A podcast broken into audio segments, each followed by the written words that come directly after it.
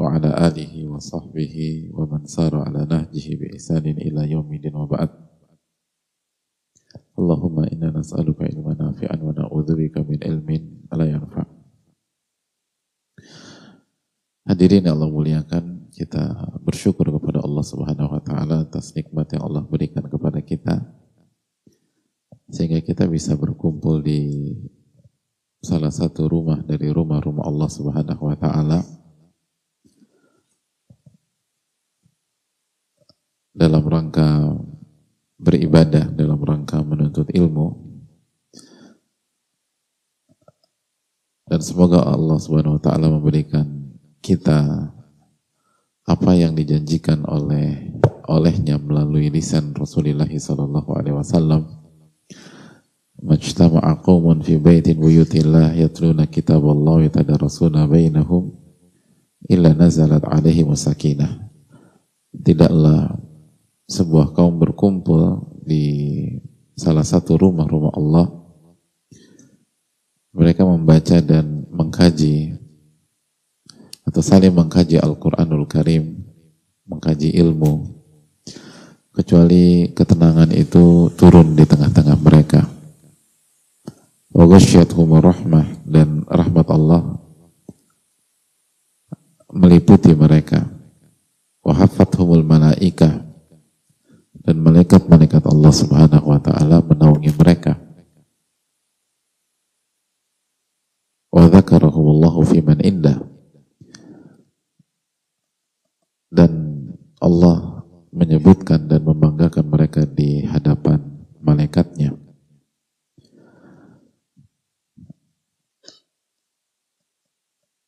Ketenangan adalah hal yang dicari oleh semua orang hadirin sekalian. Dan ada banyak orang rela mengeluarkan miliaran rupiah untuk bisa tenang. Tapi mereka nggak mendapatkan itu. Karena mereka tidak menempuh jalan untuk meraih ketenangan. Kata para ulama, tarjun najata walam tasruk masalikaha. Inna safinata la tajri ala yabasi. Anda ingin selamat, tapi Anda tidak menempuh jalan keselamatan. Ketahuilah, bahtera atau kapal itu tidak ada yang berlayar di atas daratan. Kalau kita ingin selamat, kita ingin tenang, maka tempuhlah jalan ketenangan dan ketenangan adalah kembali kepada ilmu nafi, ilmu yang bermanfaat. Jalan ketenangan adalah dengan belajar dan mengamalkan ilmu tersebut. Adapun yang lain nggak bisa kasih ketenangan. Nggak bisa kasih ketenangan sejati. Oleh karena itu, marilah kita bersyukur kepada Allah Subhanahu wa taala yang telah memberikan kita kesempatan untuk bisa meraih ketenangan tersebut. Dan semoga kita mendapatkan ketenangan, kita mendapatkan rahmat dari Allah dan kita dinaungi oleh malaikat-malaikat Allah tabaraka wa taala. Amin ya rabbal alamin. Dan Allah menyebutkan kita di hadapan malaikatnya. Sebagaimana kita meminta pertolongan kepada Allah. Nahmaduhu wa nasta'inuhu. Kita butuh pertolongan Allah hadirin sekalian. Karena ilmu nafi itu kalau hanya mengandalkan kecerdasan kita nggak akan berhasil. Kalau hanya mengandalkan kemampuan kita pasti gagal. Dan itulah konsep yang Allah tanamkan pada diri kita. Iya karena abu wa iya karena stain. Hanya kepada engkau kami beribadah dan hanya kepada engkau kami meminta pertolongan. Ibadah adalah tujuan. Maka ia karena budu itu adalah tujuan kita. Wa iya karena stain adalah jalan yang mengantarkan kita pada tujuan tersebut. Artinya kita tidak akan bisa beribadah kecuali ditolong oleh Allah. Dan untuk mendapatkan pertolongan Allah kita harus meminta, meminta, meminta pertolongan kepada Rabbul Alamin.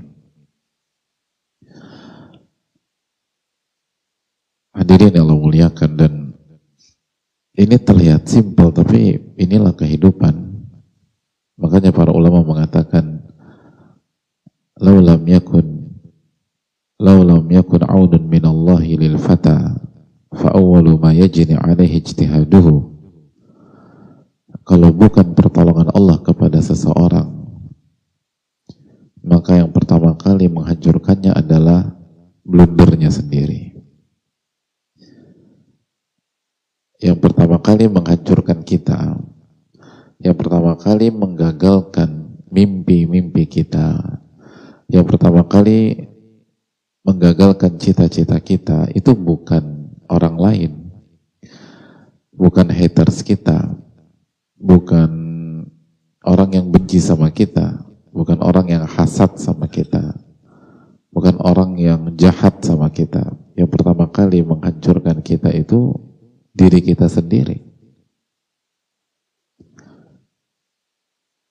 Maka kita butuh pertolongan dari Allah Subhanahu wa taala. Kalau bukan karena pertolongan Allah, maka yang pertama kali menghancurkan Anda tuh diri Anda.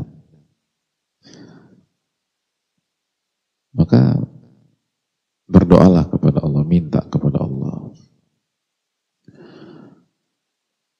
Tadi waktu keluar rumah, Coba kita ingat-ingat, kita doa nggak hadirin? Minta pertolongan kepada Allah.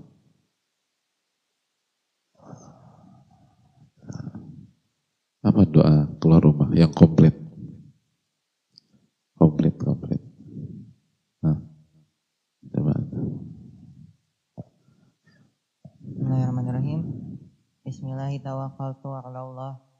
Bismillahirrahmanirrahim la haula wala quwata illa billah. Allahumma inni a'udzubika an adilla aw dhalla aw azilla aw zalla aw adlima aw zlama aw ajhala yujhala alayya. Artinya apa? Bismillah, aku bertawakal kepada Allah, tiada upaya kecuali dari Allah. Uh, Allahumma inni a'udzubika an adilla, ya Allah aku berlindung kepadamu dari tersesat dan disesatkan, au azilla au zalla atau tergelincir dan digelincirkan, au azlima au zama atau uh, zalim atau dizalimi, awajahala jahala alaya atau uh, dibodohi atau membodohkan. Jazakumullah khair. Jadi syukur. Allahumma ini a'udzubika an adilla udhal. Ya Allah aku berlindung kepada Engkau agar aku tidak tersesat atau aku disesatkan. Au azila au uzal. Aku tergelincir atau aku digelincirkan oleh pihak lain. Au azlim au aku berlindung kepada engkau jangan sampai aku zolimin orang atau zolimin diriku sendiri atau aku dizolimin oleh orang. Au aku berlindung kepada engkau jangan sampai aku bertindak bodoh atau aku dibodoh-bodohin orang. Dan lihat yang menarik. Kita minta uh, berlindung dari empat pasang dan empat setiap pasangan itu dimulai dari blunder diri sendiri gitu Allahumma ini a'udzubika an adilla udhal Ya Allah, aku berlindung kepada Engkau agar aku tidak tersesat atau aku disesatkan orang. Jadi aku tersesat dulu gitu loh. Aku berlindung kepada Engkau dari agar aku tidak tergelincir atau aku digelincirkan orang. Jadi aku dulu ini. Ya pertama kali yang bisa menggelincirkan diri kita adalah diri kita sendiri. baru digelincirkan oleh orang. Aku berlindung kepada engkau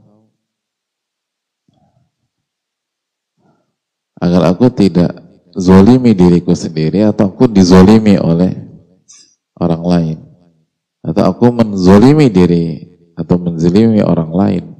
Jadi itu empat pasang mulai dari kita dulu. Au ajhala kita bersikap bodoh Dan sering kita bersikap bodoh. Makanya kan setelah kejadian kita suka ngedumel. Kalau orang Jakarta, maaf-maaf aja kita suka bilang, kok gue bego banget ya gitu. Itu salah satu jangan di jangan dipraktekkan juga gitu loh. Tapi itu salah satu ungkapan yang yang biasa kita dengar di lapangan gitu loh hadirin. Kenapa gue ngelakuin itu ya? Baru setelah itu dibodoh-bodohin orang. Nah sering kali kita berusaha waspada keluar, tapi lupa waspada ke dalam. Gitu. Padahal yang paling berbahaya dan yang pertama kali bisa menghancurkan kita tuh bukan pihak luar, tapi pihak atau tetapi diri kita sendiri. Dan kenapa bisa terjadi? Karena Allah tidak tolong kita. Nah kenapa Allah nggak tolong pada Allah Ar-Rahman dan Ar-Rahim? Karena kita nggak minta pertolongan kepadanya. Oleh karena itu,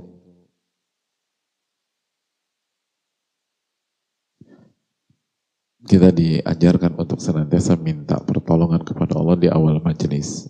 Nahmaduhu wa nasta'inuhu wa nastaghfiruh dan kita beristighfar kepada Allah Subhanahu wa taala. Karena bisa jadi yang membuat kita nggak ngerti, nggak paham, atau kehilangan momentum ketika kajian itu dosa-dosa kita. Maka kita beristighfar kepada Allah, jangan sampai gara-gara dosa itu kita terhalang dari ilmu nafi.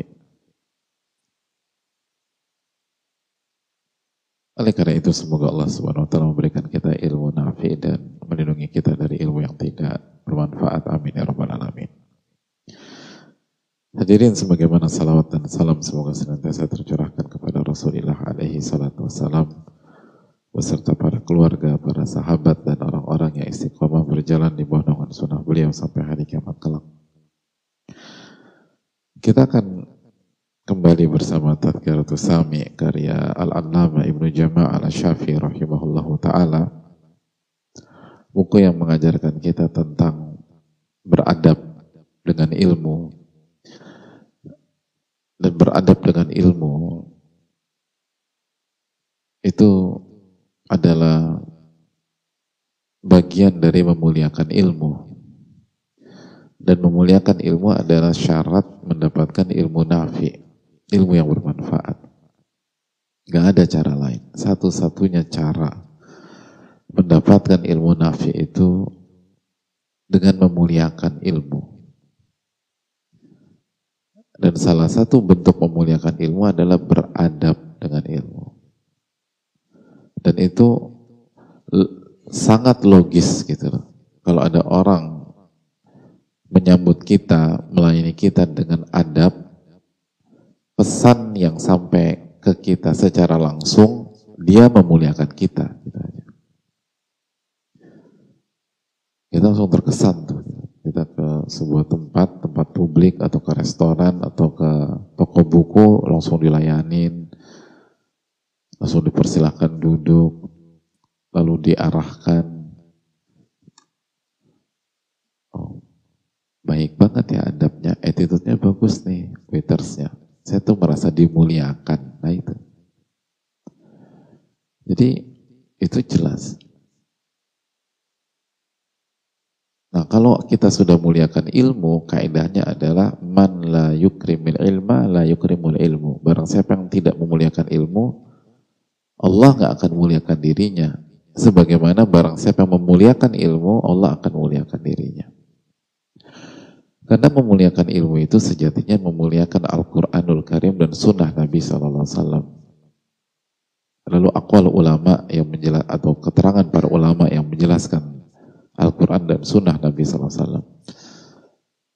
Dan memuliakan Al-Quran dan Sunnah Nabi SAW itu artinya memuliakan Allah Subhanahu Wa Taala. Lalu memuliakan Rasulullah Sallallahu Alaihi Wasallam itu jelas. Nah kalau kita sudah memuliakan Allah, otomatis Allah akan memuliakan kita. Itu kerangka berpikirnya. Itu kerangka berpikirnya.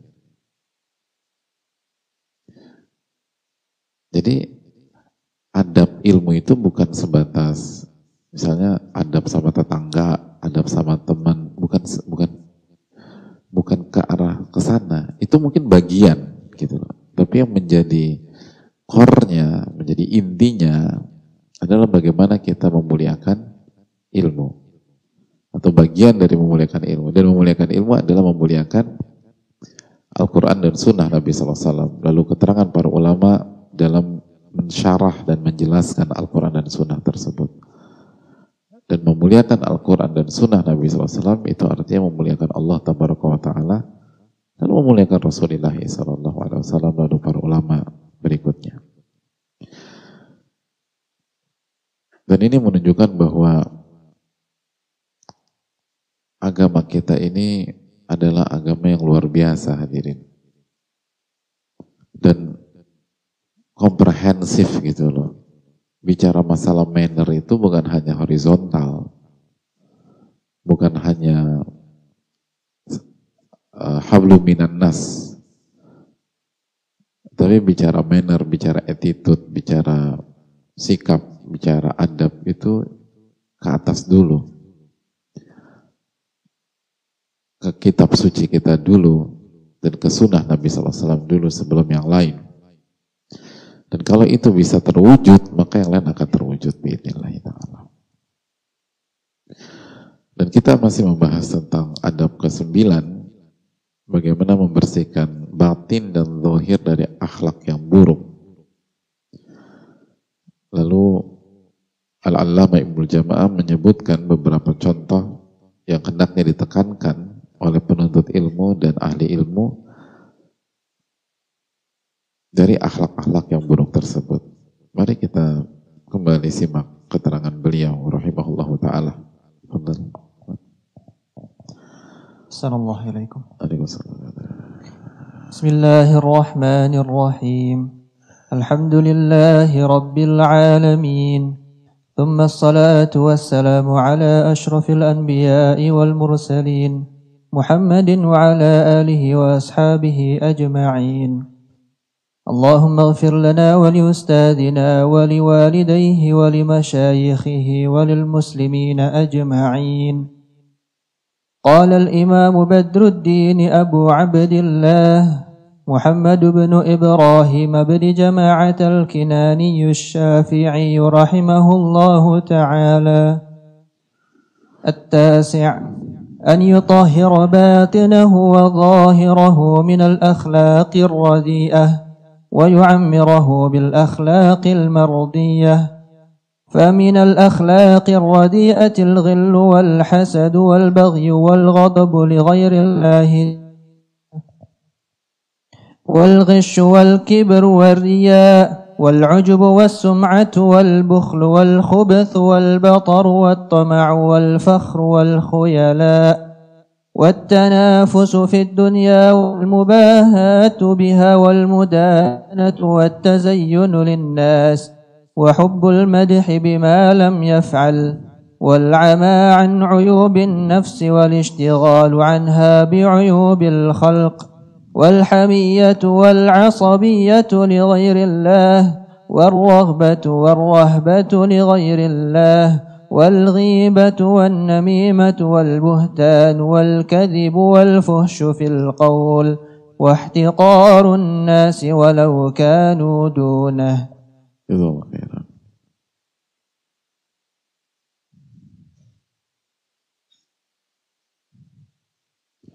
بسم الله الحمد لله والصلاة والسلام على رسول الله uh, Al-Allama Ibnu Jama'ah rahimahullah ta'ala menyampaikan tentang sifat-sifat yang harus dihindari, dibersihkan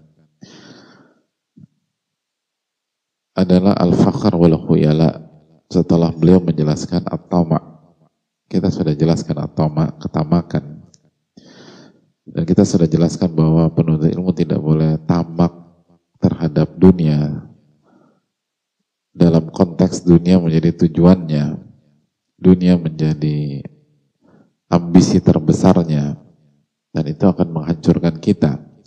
Sejenius apa pun kita, secerdas apa pun kita, serajin apa pun kita. Sebagaimana sabda Nabi SAW yang sudah kita bahas, Man kana dunya man kana dunya tihamma uh, farraqallahu syamla wa ja'ala al-faqra baina ainai wa lam ta'tihi dunya illa ma kutibalah Barang siapa yang dunia menjadi ambisinya, maka Allah akan cerai beraikan urusannya. Urusannya berantakan hadirin. Berantakan, ngerjain ini berantakan, ngerjain itu berantakan. Kalaupun jadi kaya, tapi ributnya minta ampun. Dan bisa jadi kaya secara bisnis, keluarganya Allah buat berantakan. Dia bisnisnya sukses, keluarganya berantakan. Anak-anaknya berantakan. Dan itu Bukan hal yang aneh bagi orang yang tahu kehidupan. Lalu Allah akan masukkan kemiskinan, Allah akan tampilkan kemiskinan di hadapan kelopak matanya. Jadi paranoid dia, dia. takut miskin, khawatir nggak bisa ini, khawatir nggak bisa itu. Dan dunia pun datang atau tidak akan datang kecuali apa yang Allah takdirkan aja. Jadi mau ambisi kayak apa pun nggak akan nambah satu rupiah. Nggak akan nambah satu rupiah. Maka kalau begitu apa yang perlu ditamakin? Oh nggak berubah, nggak berubah takdir kok. Tamak kita itu nggak berubah penghasilan kita. Yang ada bikin berantakan. Sebagaimana sebaliknya, Man kanatil akhiratu hamma, barang siapa akhirat menjadi tujuannya, jama Allahu syamlah. Maka Allah akan mudahkan urusannya, lancarkan Pokoknya urusannya lancar aja. Dibuat mudah, diselesaikan, diatur. Mungkin pelik, tapi nanti diurai sama Allah satu-satu. Waja'alal gina fi qalbi dan Allah akan masukkan kekayaan dalam hatinya. Dia merasa kaya. Walaupun nggak punya duit tadi. Karena sekali lagi kaya itu tentang rasa, bukan tentang angka. Itu. Gitu. Kaya itu tentang rasa, bukan tentang angka. Bukan.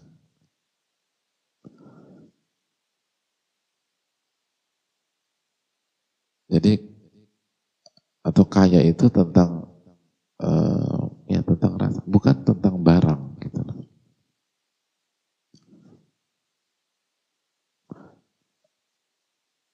Dan itu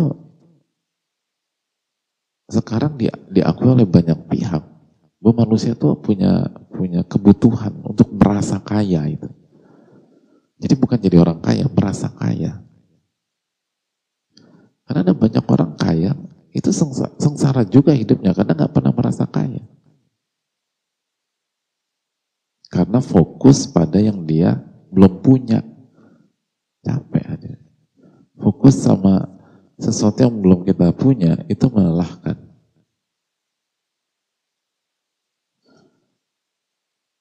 Kecuali mencari ridho Allah tabaraka wa ta'ala. Mencari surga.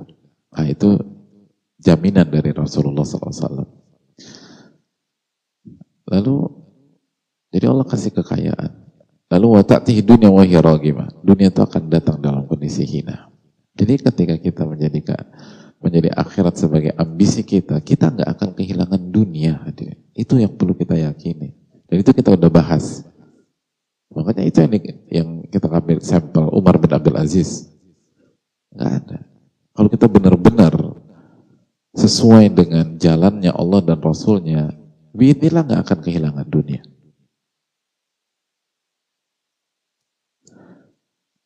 Insya Allah. Gitu. Dan kalaupun kita nggak dapat dunia secara umum karena itu pilihan. Gitu. Itu yang dikatakan oleh Imam Ash-Syafi'i rahimahullah ta'ala. Beliau mengatakan secara makna, ulama itu ada yang kaya dan ada yang miskin. Dan itu biasa. Orang soleh ada yang kaya, ada yang miskin. Ulama ada yang kaya dan miskin. Nabi, para nabi alaihi wasallam ada yang kaya dan ada yang miskin. Itu biasa aja.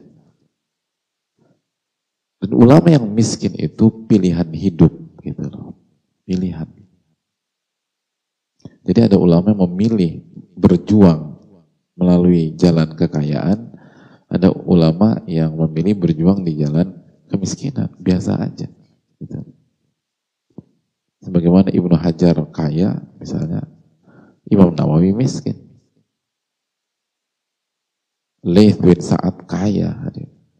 Al-Imam Laith bin Sa'ad kaya. Al-Imam Syafi'i miskin misalnya. Biasa.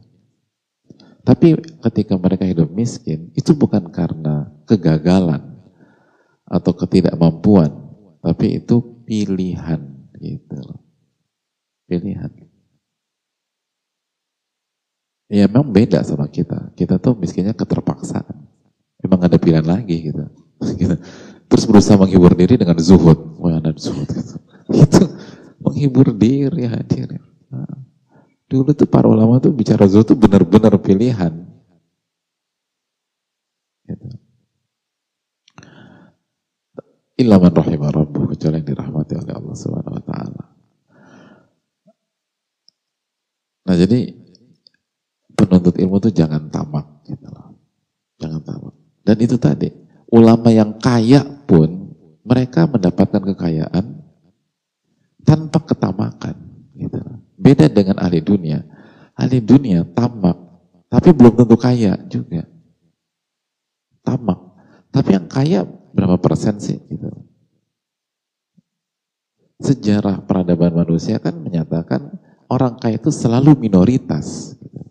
Selalu minoritas. Jadi mayoritas yang tamak itu pun nggak dapat dunia, itu fakta. Jadi sekali lagi, maka terlalu rugi kita pakai pakai jalan itu hadirin sekalian. Jangan tamak. Jadikanlah ambisi kita kepada ambisi kita ke akhirat dan dunia sebagai sarana. Dunia itu alat aja. Tapi ini butuh kejujuran. Gak mudah memang kalau Allah gak tolong ya kita terfitnah juga hadirin. Ya, makanya mintalah pertolongan kepada Allah. Minta pertolongan kepada Allah. Itu yang perlu kita uh, tanamkan bersama-sama. Nah, itu tentang masalah ketamakan. Dan ini penting gitu loh. Karena kalau kita tamak terhadap dunia, nanti kita akan tamak ke mana-mana gitu loh. Kita akan tamak ke, ke benar-benar capek dan itu sebelum kita lanjutkan dan itu kan masalah kita gitu salah satu masalah dasar kehidupan kita atau hadirin sekalian itu kita sering kali salah sehingga menjadikan sarana menjadi tujuan gitu, gitu dan tujuan yang benarnya tersisihkan Selalu sering kali masalahnya di sana. Yang harusnya tujuan atau inti jadi sarana. Yang jadi sarana jadi inti gitu. gitu. Contoh misal contoh. Keluarga dan pekerjaan misalnya. Yang inti dan sarana itu yang apa dia? Hmm? apa keluarga atau ini istri di belakang loh jadi hati-hati kalau jawab kalau salah jawab repot istri kita di belakang ini loh kan keluarga inti ya gitu tapi eh, pekerjaan tuh sarana makanya begitu kita mau di apa mau bukan kita ketika ada orang mau di PHK atau kena layoff dan seterusnya, kalimat yang meluncur dari lisannya apa? Kalau gue dikeluarkan, istri anak gue mau makan apa? Ah itu, itu intinya. Tuh. Itu keluar tuh secara natural. Gitu loh. Jadi dia kerja untuk mensupport kebutuhan pokok keluarga. Benar gak sih? Ya gitu. Nah tapi sering kali dalam perjalanan kehidupan, Yang terlihat sebagai inti apa? Kerjaan kita atau keluarga kita? Nah itu poinnya. Seringkali keluarga selalu di nomor dua kan. Yang penting kerjaan, kerjaan, kerjaan. Sehingga kita nggak punya waktu buat anak. Sehingga kita nggak punya waktu sama untuk istri kita. Gitu. Padahal mereka inti. Gitu. Ini penopang. Ini penopang. Kan demikian. Jadi ini memang selalu masalah dalam kehidupan kita. Menentukan mana tujuan, mana sarana. Gitu. Mana tujuan, mana sarana. Dan kalau kita lengah dari masalah ini, hidup kita berantakan. Sama. Akhirat sama dunia kan begitu. Mana tujuan, mana penopang dan sarana gitu aja. Jadi ini bukan tentang kaya atau miskin, bukan. Kita miskin miskinnya apa uh, menyedihkan. Tapi kalau kita jadikan dunia sebagai tujuan, tetap aja kita dilabeli sebagai ahli dunia. Kita kayaknya keterlaluan gitu misalnya. Tapi kita hanya jadikan dunia sebagai sarana dan kita nggak ada tertarik untuk menjadikan tujuan lalu kita infakkan sana, infakkan sini, maka kita dinobatkan sebagai ahli zuhud. Ini tentang itu kurang lebih. Mana tujuan, mana sarana. Jadi pastikan bahwa kita menentukan hal tersebut dengan tepat dan diberikan taufik oleh Allah. Nah setelah ketamakan, dan ini bahaya, dan sering kali ada masalah masalah kehidupan bagi yang sudah ngaji itu karena ketamakan. Gitu. Jadi walaupun ngaji bertahun-tahun kalau tamak terhadap dunia masalah hidupnya. Dan ilmunya nggak akan bermanfaat. Gitu. Ilmunya nggak akan bermanfaat. Itu hal penting. Itu hal yang sangat uh, penting.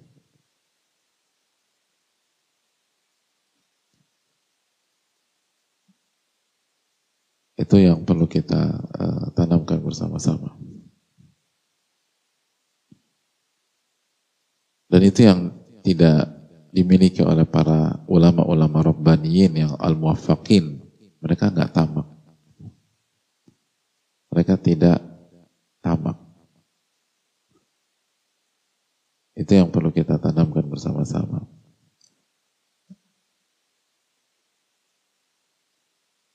diriwayatkan uh, waktu apa, Syekh Abdul Aziz bin Bas rahimahullah taala ketika beliau punya majelis itu ada seorang murid yang membandingkan majelis beliau dengan majelis ulama yang lain yang lebih ramai dari majelis beliau. Lalu di, disampaikan lah sayang banget ya gitu. Kalau saja mereka tahu ilmu antum, wahai guruku, mereka akan ke sini. Dan mereka rugi besar, nggak duduk di majelis antum. Justru duduk di majelis yang lain. Apa jawaban beliau rahimahullah ta'ala? Ini ada unsur dipanas-panasin ada walaupun sengaja atau nggak sengaja gitu ada majelis yang lebih ramai yang lebih penuh itu apa kata Syekh bin Bas rahimahullah? Dzalika fadlullah yu'ti yasha. Ramainya majelis beliau itu itu adalah karunia yang Allah berikan kepada orang yang Allah pilih dan kehendaki. Selesai. Gitu. Gitu aja udah. Gak tertarik, gak tamak gitu. Gak tamak. Itu adalah karunia yang Allah berikan kepada orang yang Allah kendaki. Gitu. Lihat ulama kita. Ulama kita nggak bilang, tenang aja. Nanti. Nanti dunia akan melihat. Gitu, Masya Allah. Kita akan buktikan pada dunia. Ngapain buktikan sama dunia? Dia mau dunia juga itu lah. Kan sering kali kadang-kadang kita sudah tenang aja gitu. Pada waktunya nanti semua akan melihat. Ngapain pada waktunya nanti semua melihat? Ya. Dan ternyata nggak ramai juga kita. Jadi, pada waktunya nanti semua akan melihat. Tetap sepi gitu loh. Gak besar juga. Tapi masalah itu tadi, kenapa? Itu kan tentang ketamakan. Makanya kenapa ilmu mereka berkah? Ilmu mereka itu, nabi mereka nggak ada, ada ketamakan untuk jadi ini. Mereka tuh hanya ingin tahqiqul ubudiyah. Hanya ingin mewujudkan penghambaan kepada Rabbul Alamin. Hanya ingin ibra'u dhimmah, menggugurkan kewajiban. Jadi mak, mereka habis-habisan itu bukan tamak terhadap dunia. Tetapi habis-habisan dalam menggunakan nikmat yang Allah berikan kepada mereka. Karena mereka tahu setiap nikmat dan di antara nikmat adalah kecerdasan, potensi, dan lain-lain, itu akan ditanya di hari kiamat. Kalau tidak dipakai di jalan Allah, selesai riwayat kita di hari kiamat. Itu. Jadi nggak ada ketertarikan harus jadi ini, harus, saya harus dapatkan. Kalau nggak dapat, kalau nggak dapat juga nggak masalah. Makanya dzalika fadlullah, dzalika fadlullah. Itu karunia Allah yang Allah kasih kepada orang yang Allah kehendaki. Artinya kita kita bertakwa semaksimal mungkin. Berha, kalau nggak berhasil, justru teman kita yang berhasil itu dipilih sama Allah selesai. Gitu. Nggak ada urusan, wong kita hamba hadirin. Tugas kita beribadah, tugas kita bertakwa semaksimal mungkin. Begitu di garis finish atau begitu endingnya yang ada teman yang lebih bagus, ada saudara kita yang lebih unggul, dzalika fadlullah yu'ti yasha. Udah selesai. Itu kita nggak akan dihisap dengan kemampuan orang, kita akan dihisap dengan kemampuan kita sendiri. Jadi buat apa tamak? Dan itu yang merusak ilmu kita. Itu yang merusak ilmu kita. Jangan pernah demikian. Hidup itu personal antara kita dengan Rob kita subhanahu wa ta'ala.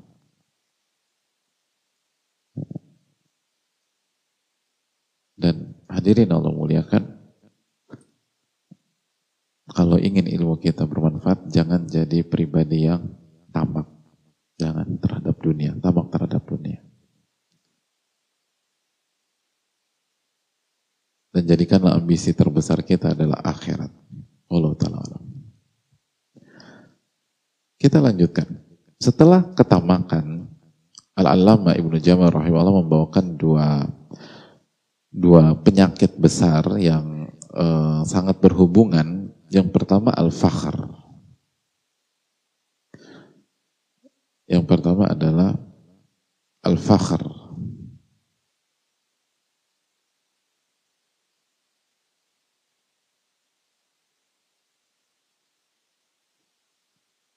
Fakar tuh berbangga-bangga hadirin.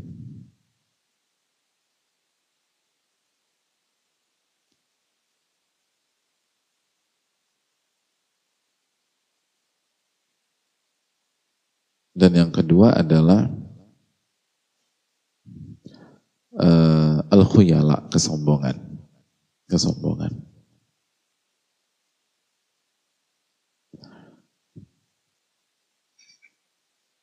Jadi fakhr itu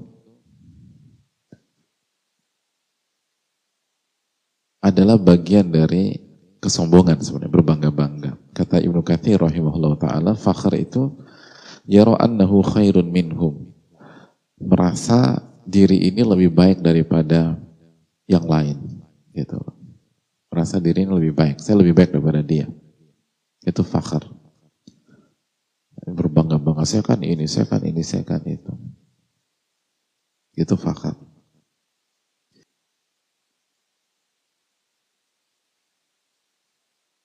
Jadi penuntut ilmu kalau ingin ilmunya berkah, ilmunya bermanfaat, jangan punya dua sifat ini. Fakhr dan kibar. Fakhr dan sombong. Dan fakhr itu bagian dari kesombongan. Karena Nabi kita SAW ketika menjelaskan tentang kesombongan, apa kata Nabi kita alaihi salatu wassalam? Beliau mengatakan, La yadkhul jannata man kana fi qalbihi mithqalu dzarratin min kibrin tidak akan masuk surga orang yang dalam dirinya memiliki sifat sombong walaupun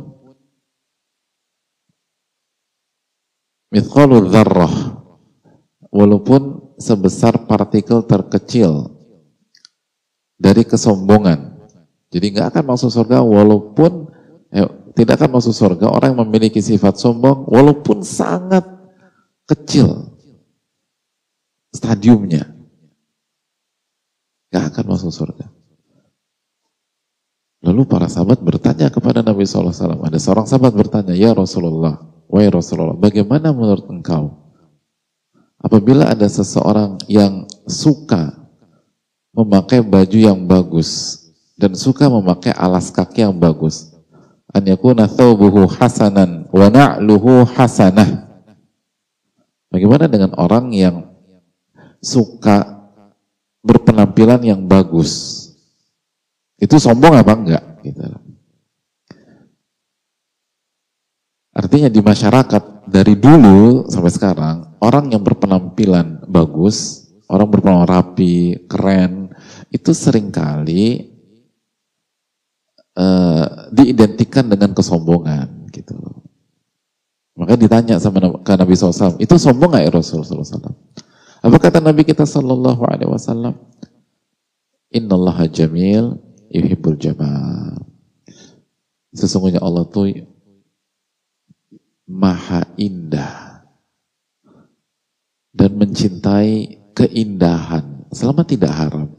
Enggak, kata Nabi. Selama enggak haram, itu tuh bagus. Allah mencintai keindahan gitu. Nah ini pelajaran bagi kita. Penuntut ilmu itu penampilannya harus oke okay, gitu loh hadirin. Disunahkan bagus gitu loh. Niatnya itu bukan show off.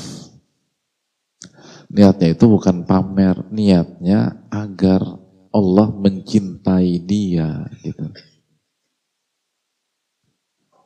Makanya diriwayatkan kalau bahasa kita ya penutup kepalanya Ibnu Abbas, kalau bahasa kita pecinya Ibnu Abbas kalau mau kajian itu kalau nggak salah di atas 2 atau 3 juta kalau nggak salah.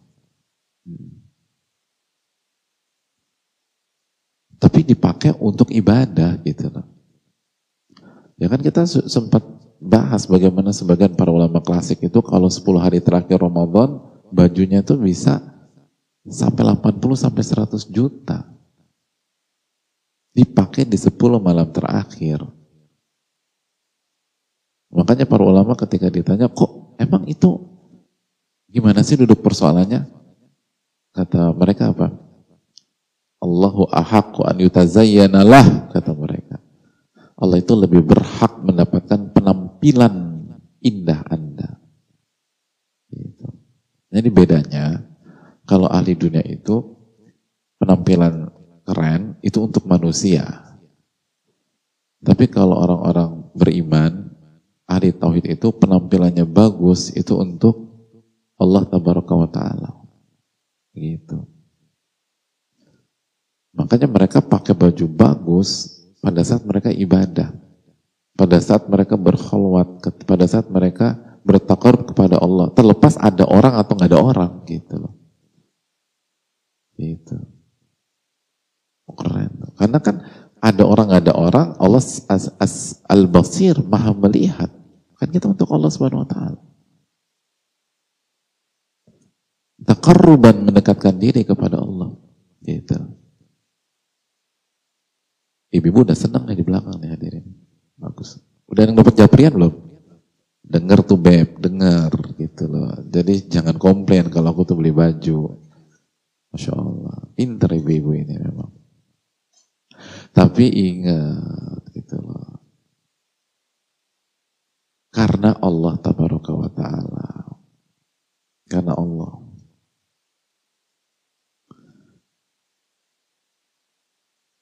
Kalau benar karena Allah yang pakai ketika buat ibadah. Takarrub kepada Allah Subhanahu wa taala.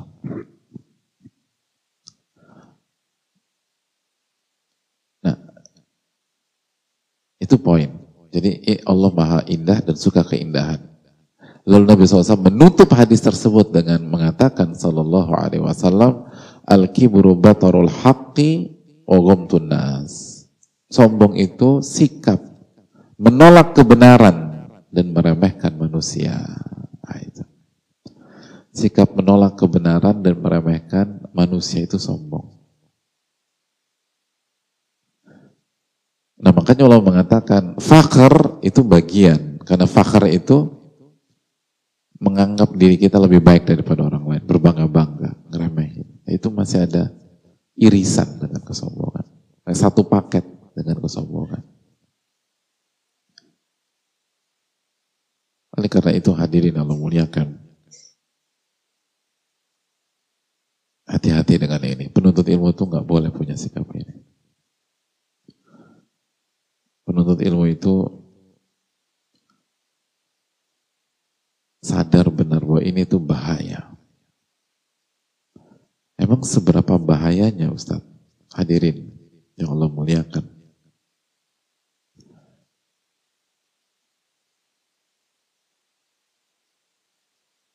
Penyakit sombong itu cukup membuat kita atau akan membuat kita gagal paham Atau kita paham, karena kita cerdas gitu, tapi kita tidak dikasih taufik untuk mengamalkan ilmu tersebut. Itu. Orang sombong tuh. Makanya coba buka surat Al-A'raf ayat 146. Ini hal ini ayat yang sangat penting buat kita. Sangat penting. Dan setiap kita harus mentadaburi ayat ini. Ayat ini sangat ditekankan oleh para ulama.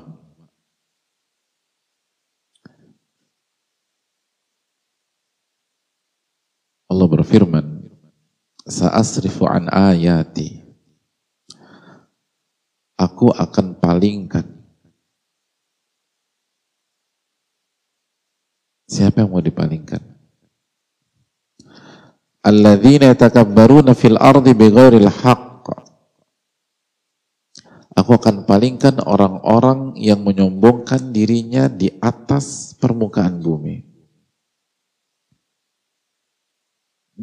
Mereka dipalingkan dari apa? An ayati, dari ayat-ayatku. Jadi aku akan palingkan orang-orang yang sombong dari ayat-ayatku. Orang-orang yang sombong tanpa hak, tanpa alasan.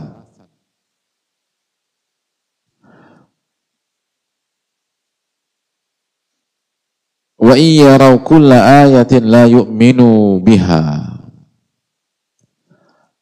Walaupun mereka melihat seluruh ayat, mereka tidak akan beriman dengan ayat-ayat tersebut. Wa iyyaraw sabila rushdi la yattakhidhuhu sabila. Dan apabila mereka melihat jalan kebenaran, mereka tetap tidak akan menempuh jalan tersebut. Kalau mereka melihat jalan petunjuk, mereka enggak meniti jalan itu.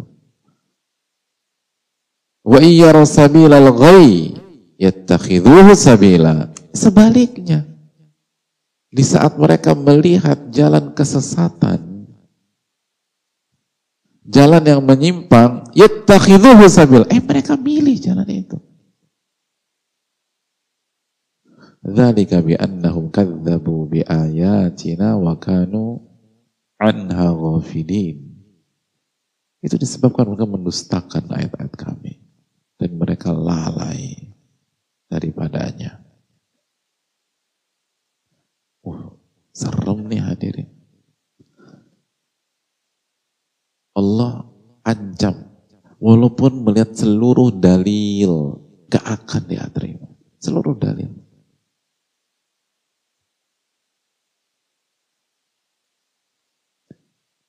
Gak akan diterima. Tapi jangan salah paham, bedakan antara ini dengan kasus kotak yang lain, yaitu masalah khilafah ijtihadiyah. Perbedaan yang kuat dan uh, ilmiah di tengah-tengah para ulama.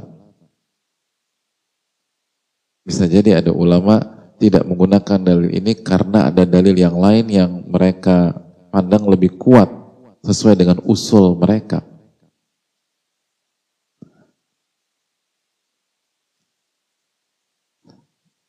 Atau tidak ada ulama tidak kesimpulannya berbeda dengan kesimpulan guru kita atau ulama yang kita ikuti karena padahal dalilnya sama.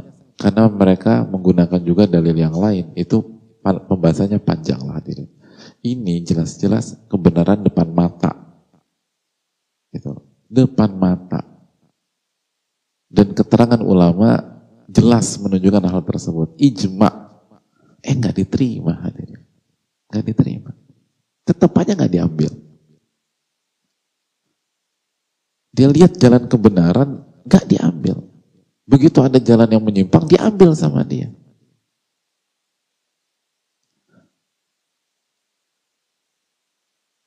Allah palingkan. Nah pertanyaannya, apa yang dimaksud Allah palingkan?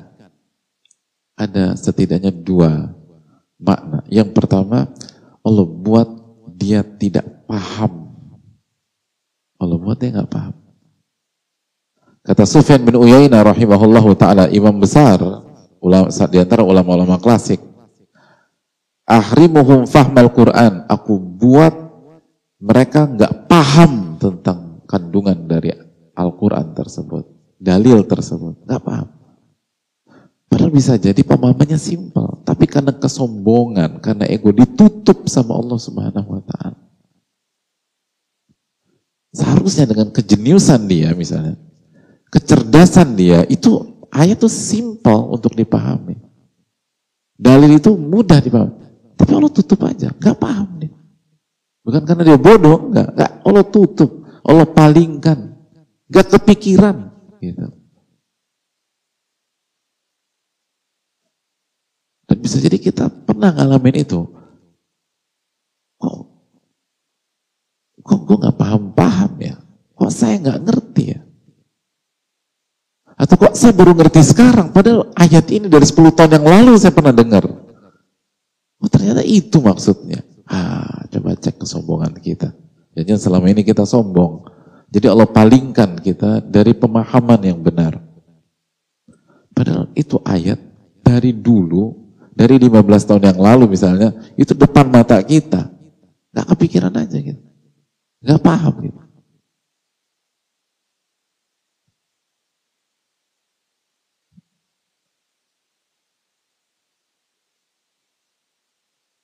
Atau berkaitan dengan ini juga kata Muhammad bin Yusuf Ifriyabi amna'u qulubahum minat tadabburi fi amri aku cegah hati mereka untuk bisa tadabbur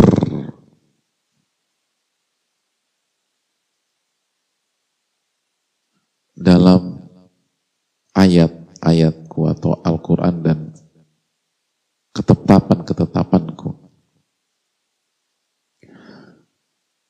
Jadi bisa jadi dia paham hadirin, tapi nggak bisa mentadaburi. Ngerti dia.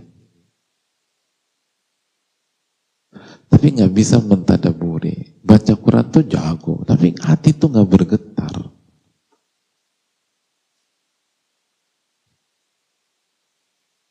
Paham maknanya. Tapi nggak bisa meneteskan air mata ketika membaca Al-Quran. Baik yang mulai atau di kesempatan yang nggak bisa. Nggak bisa tadabur.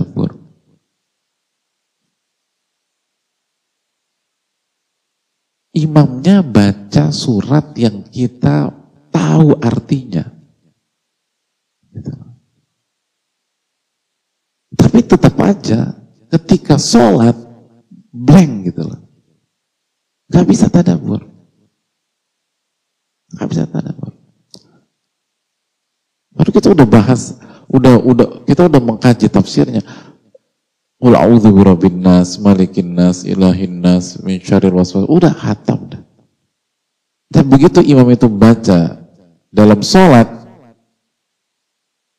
pikiran ke kanan lah, pikiran ke kiri lah. Kalau itu terjadi, evaluasi kesombongan kita itu.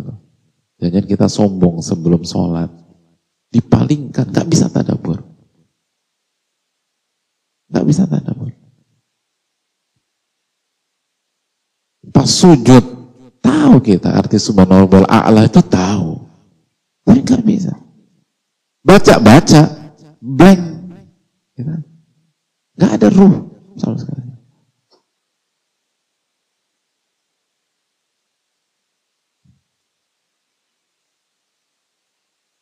Kita udah baca ketika kita baca, apa dengar atau baca surat Al-Fatihah atau mendengarkan bacaan Al-Fatihah, kita tahu ketika kita baca Alhamdulillahirabbil alamin, maka Allah langsung respon. Apa respon Allah Subhanahu wa taala?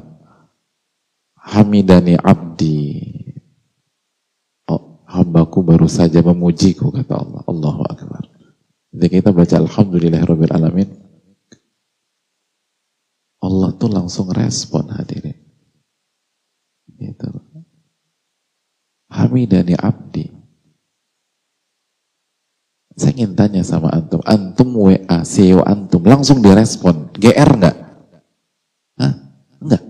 Emang nggak punya perasaan, berat, agak berat kalau begini nih. Seneng kan CEO kita langsung respon. WA nih, langsung bilang. Baru Assalamualaikum Pak, Waalaikumsalam gitu loh.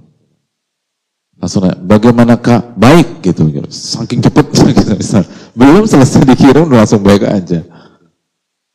Oh terharu kita, ya Allah Masya Allah. Kayaknya promosi nih minggu depan. Gitu. Pede. Itu CEO. Tapi Rob kita respon, gak ada perasaan sama sekali. Gak ada perasaan. Biasa. Padahal ilmunya udah dapat ilmunya. Bukan gak ngerti. Ketika kita baca Ar-Rahmanir Rahim, Athna alayya abdi. Langsung direspon sama Allah. Hambaku kembali memujiku, kata Allah. Ketika kita baca Malik Yaumiddin atau Malik Yaumiddin, apa respon Allah? Majjana di abdi. Hambaku baru saja mengagunganku, mengagungkanku. Ya, tapi kita blank, blank. Gak ada perasaan terharu ya Allah direspon sama Allah Subhanahu wa taala. Pada saat kita baca iya karena abud wa iya karena stain. Kembali Allah merespon kita hadir. Apa respon Allah? Ada baina abaini wa baina abdi. Kata Allah kita bagi dua ayat ini. Allahu Akbar. Iya karena budu untuk saya. Oh iya karena saya untuk engkau. Subhanallah. Mana perasaan, mana kebanggaan, mana rasa haru, mana mana rasa gembira kita hanya sekalian, mana tadabbur. Puluhan tahun kita baca surat Al-Fatihah, berapa kali kita merasakan sensasi itu? Lalu kita baca ihdinas siratal mustaqim. Siratal ladina an'amta alaihim ghairil maghdubi alaihim waladhdallin. Ya Allah tunjukilah kami jalan yang lurus. Jalan orang-orang yang kau berikan nikmat. Siapa orang memberikan nikmat? Kita udah belajari. Siapa orang yang Allah berikan nikmat dalam ayat ini? Minan nabiyyin, was-siddiqin, was-syuhada, wasalihin, para anbiya, para nabi. Orang-orang yang jujur dan membenarkan firman Allah. Para syuhada, orang-orang yang mengorbankan dirinya syahid. Dan orang-orang yang soleh. Kita minta, ya Allah, saya minta jalan itu ya Allah. jalannya para nabi, jalannya orang-orang yang jujur, jalannya orang-orang soleh, dan bukan jalan orang-orang yang tidak mengamalkan ilmunya, al-maghdubi alaihim, yang nggak ngamalin ilmunya, waladhalin, dan orang-orang yang beramal tanpa ilmu. Apa respon Allah hadirin? Hada li abdi wa li abdi masa'al. Semuanya untuk hambaku. Ayat ini semuanya untuk hambaku. Dan hambaku akan mendapatkan apa yang dia minta. Mana tadabur kita? Mana hati kita? Tiap hari kita baca. Bukan satu, bukan dua, bukan tiga, bukan empat. Tapi ketika kita WA atasan kita, kita WA bos kita, bahkan kita WA teman kita pada saat kita lagi butuh, kita pengen direspon, tapi nggak direspon-respon hadirin. Pengen banget kita direspon. Bahkan jangankan langsung direspon, di hari itu direspon kita kegeeran. Nggak langsung, kita WA pagi, dibalasnya baru maghrib. Oh seneng gitu, bos gua balas kita baca Al-Fatihah, Allah respon langsung hadirin. Ke mana tadabur? Kalau kita belum berhasil mentadaburi, jangan-jangan selama ini kita sombong hadirin. Bukan karena nggak paham, paham kita artinya. Ada banyak kita paham, Al-Fatihah paham. Kecuali kalau misalnya imamnya baca Ali Imran, imamnya baca Al-Ma'idah, imamnya baca Az-Zukhruf dan kita nggak bisa bahasa Arab. Wah, imamnya baca Al-Fatihah. Aina tadabur, ke mana pentadaburan? Makanya kan ada banyak sebagian sebagian kita berpikir kunci tadabur khusyuk itu adalah kita ngerti apa yang kita baca. Enggak. Nggak harus demikian. Artinya benar harus ngerti. Tapi apakah begitu kita ngerti, otomatis kita bisa tadabur? Enggak. Kunci tadabur dan khusyuk. Selain kita mengerti bagaimana raport kita sebelum kita sholat hadirin. Itu poinnya.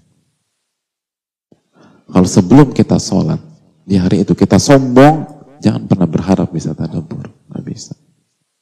Gak bisa. Ini ayatnya. Sa'asrifu an ayati alladzina takabbaruna fil ardi bighairil haq. Saya akan palingkan kata Allah orang-orang yang sombong itu loh. Mungkin dia paham tapi gak akan bisa mentadaburi. Gak akan bisa mentadaburi.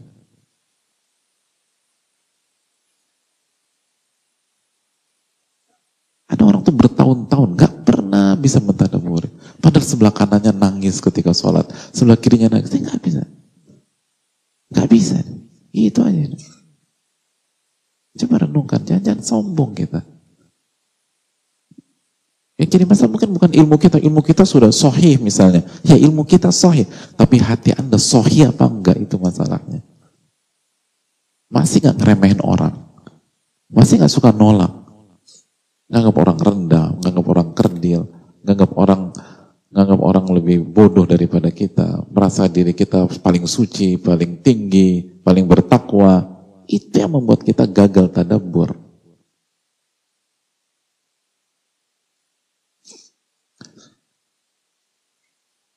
Itu apa? Itu yang membuat kita gagal tadabur. Kenapa dulu para ulama kita dikit-dikit bisa tersentuh, bisa ter, tertegun gitu loh. Ya karena mereka hidupnya nggak sombong hadir. Lihat bagaimana Umar bin Khattab radhiyallahu taala gitu.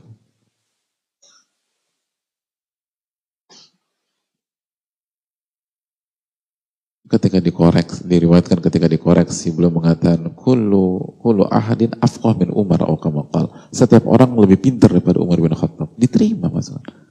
Nggak mentang-mentang paling apa khalifah khalifah umat khalifahnya Nabi SAW pemimpin umat lalu ranking kedua Ini yang bahaya. Sombong tuh bahaya hadirin, bener deh. Dan ini buat yang berbicara dan juga bagi yang mendengarkan. Mungkin kita ngerti, tapi nggak bisa. Tanda nggak bisa. Ada orang ingin menghayati ayat yang dia baca, nggak bisa bisa, nggak bisa.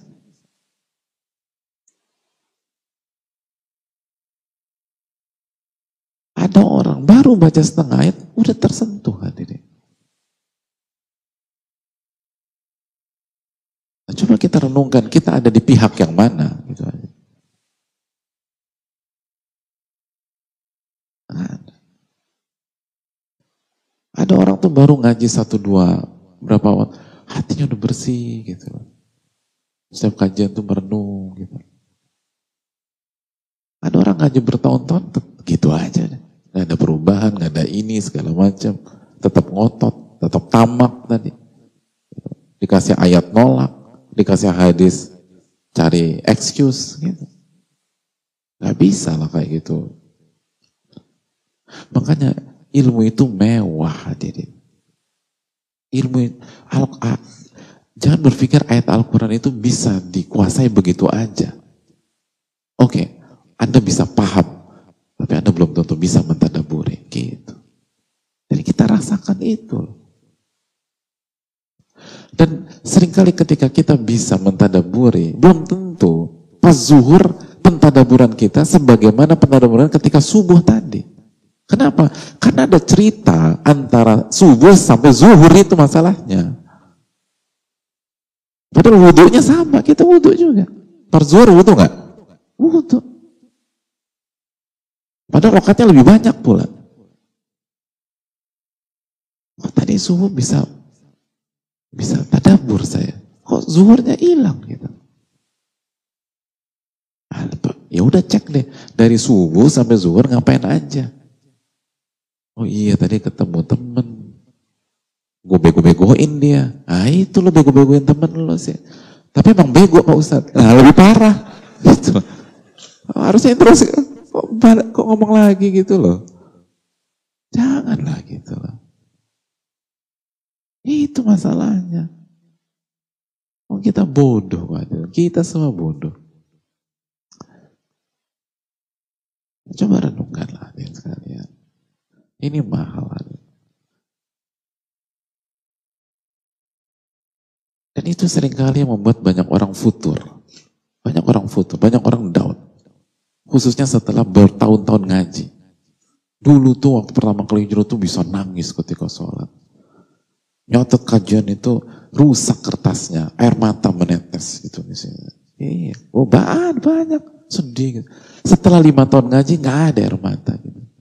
Nyatet, tebal handphone, gitu. masih nyatet. Tahun ketujuh udah gitu aja udah. Tahun ke-8 sambil angkat kaki udah gitu-gitu udah. Akhirnya gersam gitu, nggak dapet ruh tuh nggak ada. nggak ada emosi ketika kajian. Artinya nggak ada nggak ada amalan hati gitu ketika kajian, ketika ibadah, ketika itu hambar hambar rutinitas gitu. Yang yang punya kajian rutin hari Rabu, ya udah rutinitasnya Rabu. Yang punya kajian rutin hari Kamis, ya rutinitas hari Kamis. Yang punya kajian rutin hari Sabtu, ya rutinitas hari Sabtu. Nggak ada ruh. Gitu. Gak ada tuh ucapan para ulama al ilmu khosyah. Ilmu itu rasa takut kepada Allah. Ada, biasa. Gitu. Mau lagi kajian langsung mikir nanti gue makan malam di mana ya? Sate padang, sate kambing, gitu. Mikirnya gitu. Ada bagaimana hisap saya di hari kiamat nanti. Saya tamak gak selama ini? Lupa udah. Hambar. Dan itu di alam banyak kita. Kita kehilangan. Nah, kenapa? Coba renungkan ya. Kenapa pada awal-awal hijrah, kok kayaknya tuh lebih mudah mentadaburi. Tapi ketika lima, sudah kajian lima tahun, enam tahun, tujuh tahun, kok hambar? Evaluasi ini hadirin. Seringkali, enggak semua, tapi sebanyak pihak.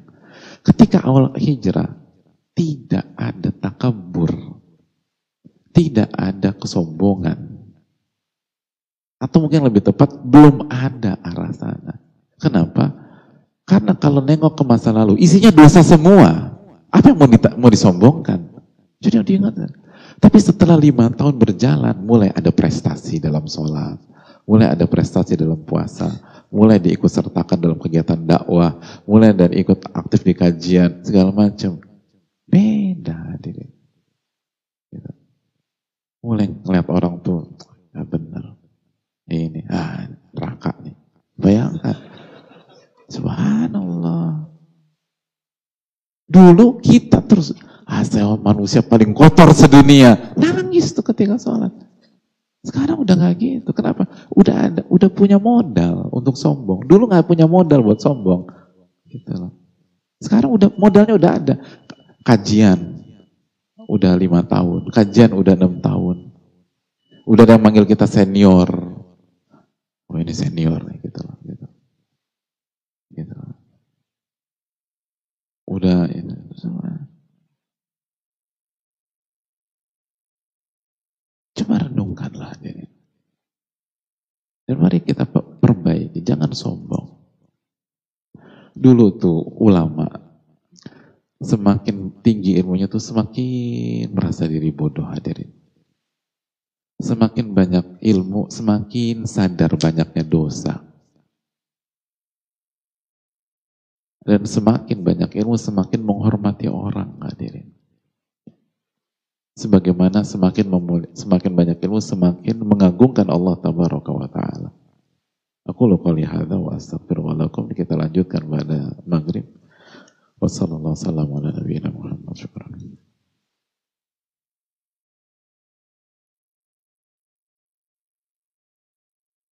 Assalamualaikum warahmatullahi wabarakatuh.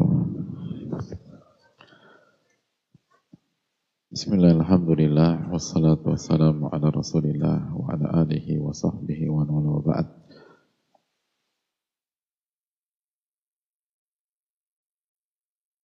Uh, hadirin yang Allah muliakan, salah satu sifat yang hendaknya dihindari oleh orang yang sudah belajar atau orang yang sedang belajar, orang yang ingin berubah, penuntut ilmu adalah al-kibar dan al-fakhr atau al-fakhr dan khuyala. Sikap menolak kebenaran dan sikap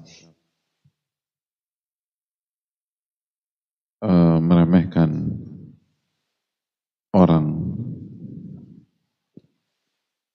atau merendahkan orang dan itu uh, hal yang uh, merupakan masalah besar bagi kita. Karena kesombongan dan fakhr merasa diri lebih baik daripada orang dan uh, merendahkan orang dan menolak kebenaran itu akan membuat kita dipalingkan oleh Allah Subhanahu wa taala dari ayat-ayatnya dan itu fatal. Itu sangat fatal. Bahkan kalaupun jalan kebenaran depan mata kita, kita nggak akan meniti jalan tersebut. Dan kita akan melakukan blunder besar dalam kehidupan kita. Wa iya sabila rushdi la yatakhiduhu sabila. Dan apabila mereka melihat jalan petunjuk atau jalan kebenaran, mereka nggak akan meniti jalan tersebut.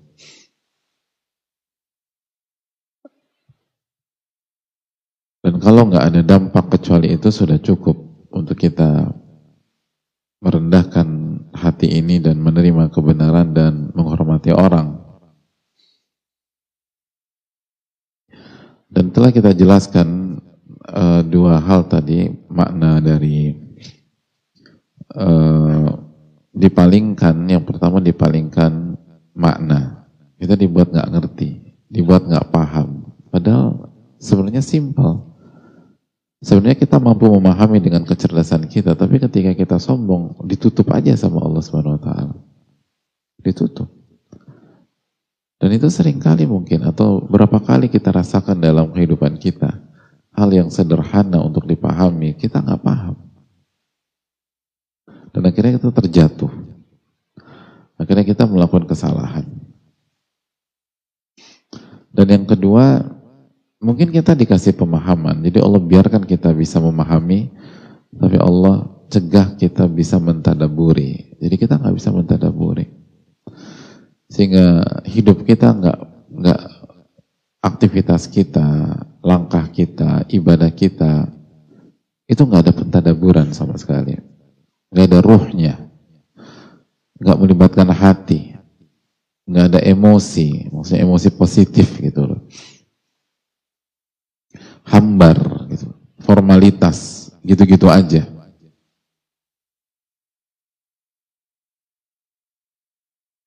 Dan itu dampak dari kesombongan. Padahal sebagaimana kita sampaikan tadi bahwa kita sangat butuh mentadaburi. Dan kegagalan kita dalam mentadaburi itu indikasi bahwa hati kita dikunci oleh Allah Subhanahu wa taala.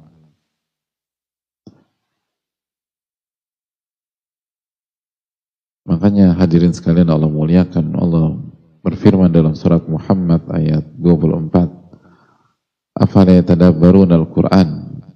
Afala yatadabbarun al-Quran? Mengapa mereka tidak mentadaburi Al-Quran? Am ala qulubin aqfaluha? Apakah karena hati mereka terkunci? Kalau pintu rumah kita terkunci kita ribet, kita panik kita akan selesaikan malam itu juga. Kita pulang ke rumah dan rumah kita kekunci dan kita nggak bisa buka. Kunci yang kita bawa tuh nggak bisa buat nggak nggak bisa buat ngebuka tuh pintu rumah kita. Apakah kita akan kerjain itu hari Senin? Enggak. Malam ini kita kerjain tuh rumah. Kalau nggak bisa malam ini besok secepat mungkin kita ingin langsung bisa masuk dan mengakses rumah kita itu. Kalau itu rumah, lalu bagaimana hati hadir? Ada orang bertahun-tahun nggak bisa tadabur, tapi gitu aja, nggak nggak merasa nggak merasa ada yang salah, nggak ingin mengevaluasi diri, dan dijalanin gitu. Bertahun-tahun. Gitu. Saya mau tanya sama hadirin sekarang, kalau misalnya kita nih, baru Assalamualaikum warahmatullahi Waalaikumsalam warahmatullahi Lalu langsung keluarin handphone, lalu buka inbox, lalu sambil klik, kita banyak astagfirullah, astagfirullah, astagfirullah, assalamualaikum, salam, itu kira-kira taduburnya berapa persen hadirin? Langsung buka handphone, lisan ucapin astagfirullah, astagfirullah. Dan bukan astagfirullah, astagfirullah, astagfirullah, astagfirullah. Lamun tassalamu salam.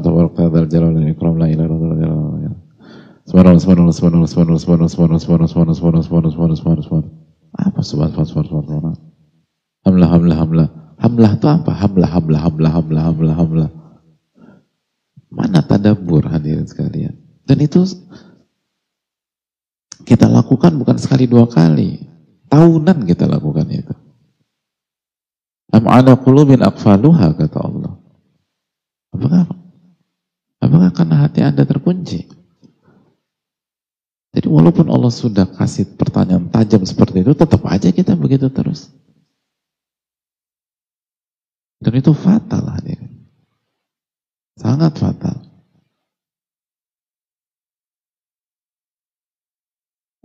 Maka evaluasi kesombongan kita. Sombong gak nih kita selama ini? Sudah seperti apa kita menghadapi kebenaran? Gitu. Sudah sesami'na wa ta'na apa kita? Dan yang kedua, kita meremehkan orang atau kita menghormati orang?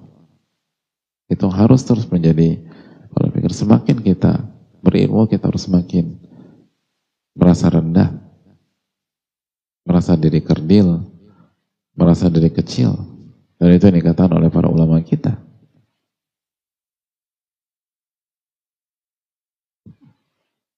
Mana yang ketiga hadirin sekalian dari sa'asrifu an ayati alladzina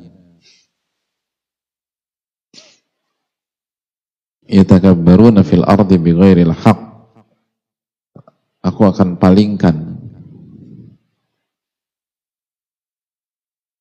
aku akan palingkan orang-orang yang uh, sombong di atas permukaan bumi dari ayat-ayatku dari ayat-ayatku. Mana yang ketiga aku palingkan? Aku palingkan sehingga dia tidak bisa mengamalkan ayat-ayat tersebut mungkin dia paham tapi dia nggak bisa amalin. Hanya wacana hanya teori hanya retorika nggak bisa diamalin.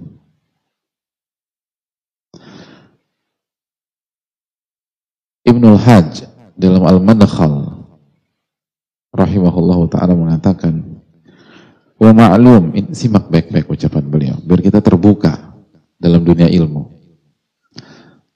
Biar kita nggak nganggap bahwa ini tuh simple, sederhana dan seterusnya wa ma'lumun dan telah diketahui bersama jadi ini bukan bukan bukan data yang mengejutkan, bukan. Orang yang punya pengalaman jam terbang di dunia ilmu sama-sama mengetahui fakta ini.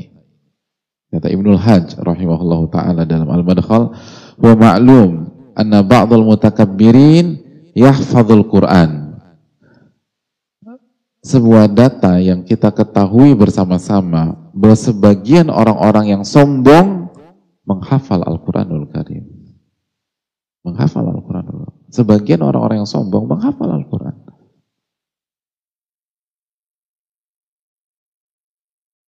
Jadi, jangan ada yang berpikir, kalau dia sombong, mana mungkin dia menghafal Al-Quran. Ini faktanya, ini ulama yang mengatakan. Dan itu bukan hal yang aneh, bukan hal yang mengejutkan, bukan hal yang mencengangkan. Sebagian orang-orang yang sombong, yang suka ngeremehin orang, yang menolak kebenaran, itu menghafal Al-Quran. Kalau ditanya ayat, hafal. Hafal. Bukan hal yang aneh. Yang berpikir, kalau dia sombong, dia nggak akan mungkin bisa menghafal Al-Quran. Bisa.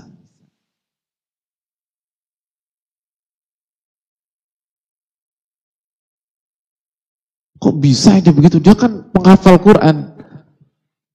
Anda nggak tahu dunia ilmu kalau begitu. Itu bukan hal yang mengejutkan. Ini faktanya. Walakinnahu muni'u faidatahu fil fahmi wal amal wa dzalika huwal. Kata beliau, namun mereka dicegah, dihalangi untuk mendapatkan faidah dari ilmu dan Quran yang mereka hafal. Sehingga sebagian mereka tidak paham dan sebagian tidak mengamalkan atau tidak paham dan tidak mengamalkan. Nggak diamal. Dan itulah yang diminta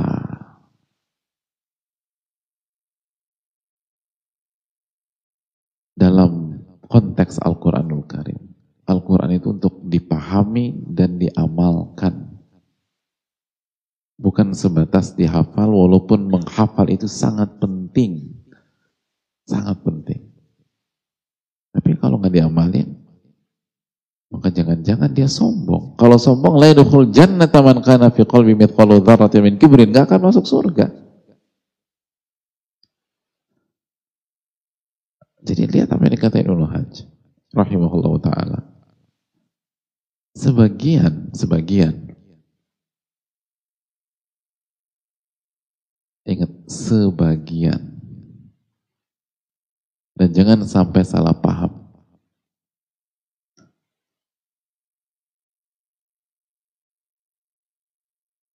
Jangan sampai salah paham. Kita ke masjid, lalu jadi makmum, imamnya hafil, pas selesai, nah, percuma, sombong. Sebagaimana kata Ibnu Hajar rahimahullah, Anda yang sombong mas, gitu. Berarti kan Anda underestimate sama orang. Orang sombong itu tinggi atau rendah sejatinya. Orang yang sombong tuh dia kedudukannya tinggi atau rendah? Orang yang sombong kok tinggi? Orang yang sombong itu di sisi Allah oh Allah ini ya. di sisi Allah itu kedudukannya tinggi atau rendah? Rendah. Nanti kita akan bacakan dalilnya. Di, dihinakan sehina-hinanya sama Allah Subhanahu Wa Taala. Maka ketika kita menuduh orang sombong, menuduh atau memfonis orang itu sombong, gitu loh, tanpa hak, berarti kita memuliakan dia atau merendahkan dia? Hah? Memuliakan dia atau merendahkan dia? Rendah kita sama mengatakan kedudukan anda di sisi Allah itu rendah, mas. Itu kan merendahkan orang. Dan definisi sombong kata Nabi SAW apa? Batarul haq wa nas menolak kebenaran dan meremehkan dan merendahkan orang. Ya berarti kita sombong juga.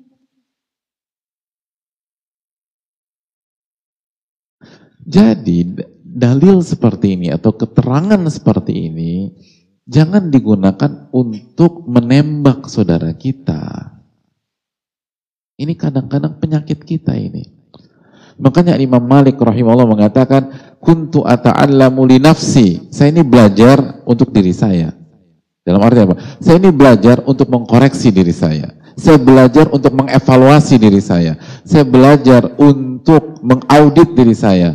Bukan untuk mudah memfonis dan menyerang orang lain tanpa hak. Bukan. Nah ini salah satu PR kita juga pada saat ini.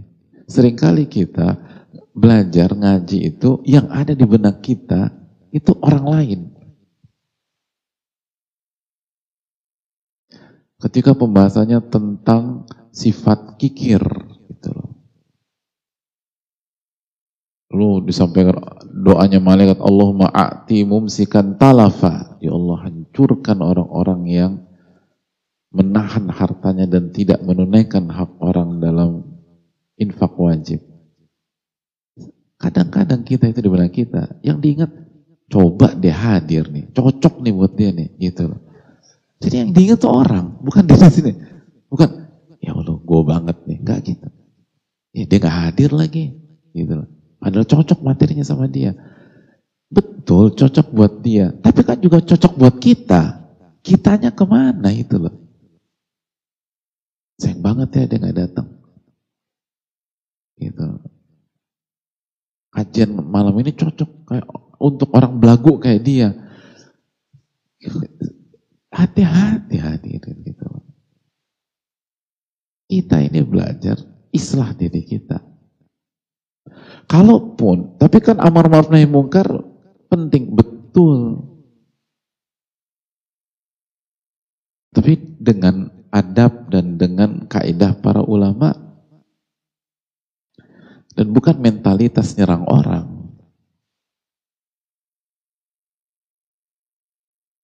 Jadi kembali lagi ke poin kita, hadirin sekalian Allah muliakan, bahwa mungkin kita bisa paham, mungkin kita bisa mengerti ayatnya, tapi kalau kita sombong, kita nggak akan bisa mengamalkan ayat tersebut. dicegah sama Allah dicegah, nggak bisa udah. Nggak bisa diamalin. Padahal fisik mampu. Waktu terbuka lebar depan.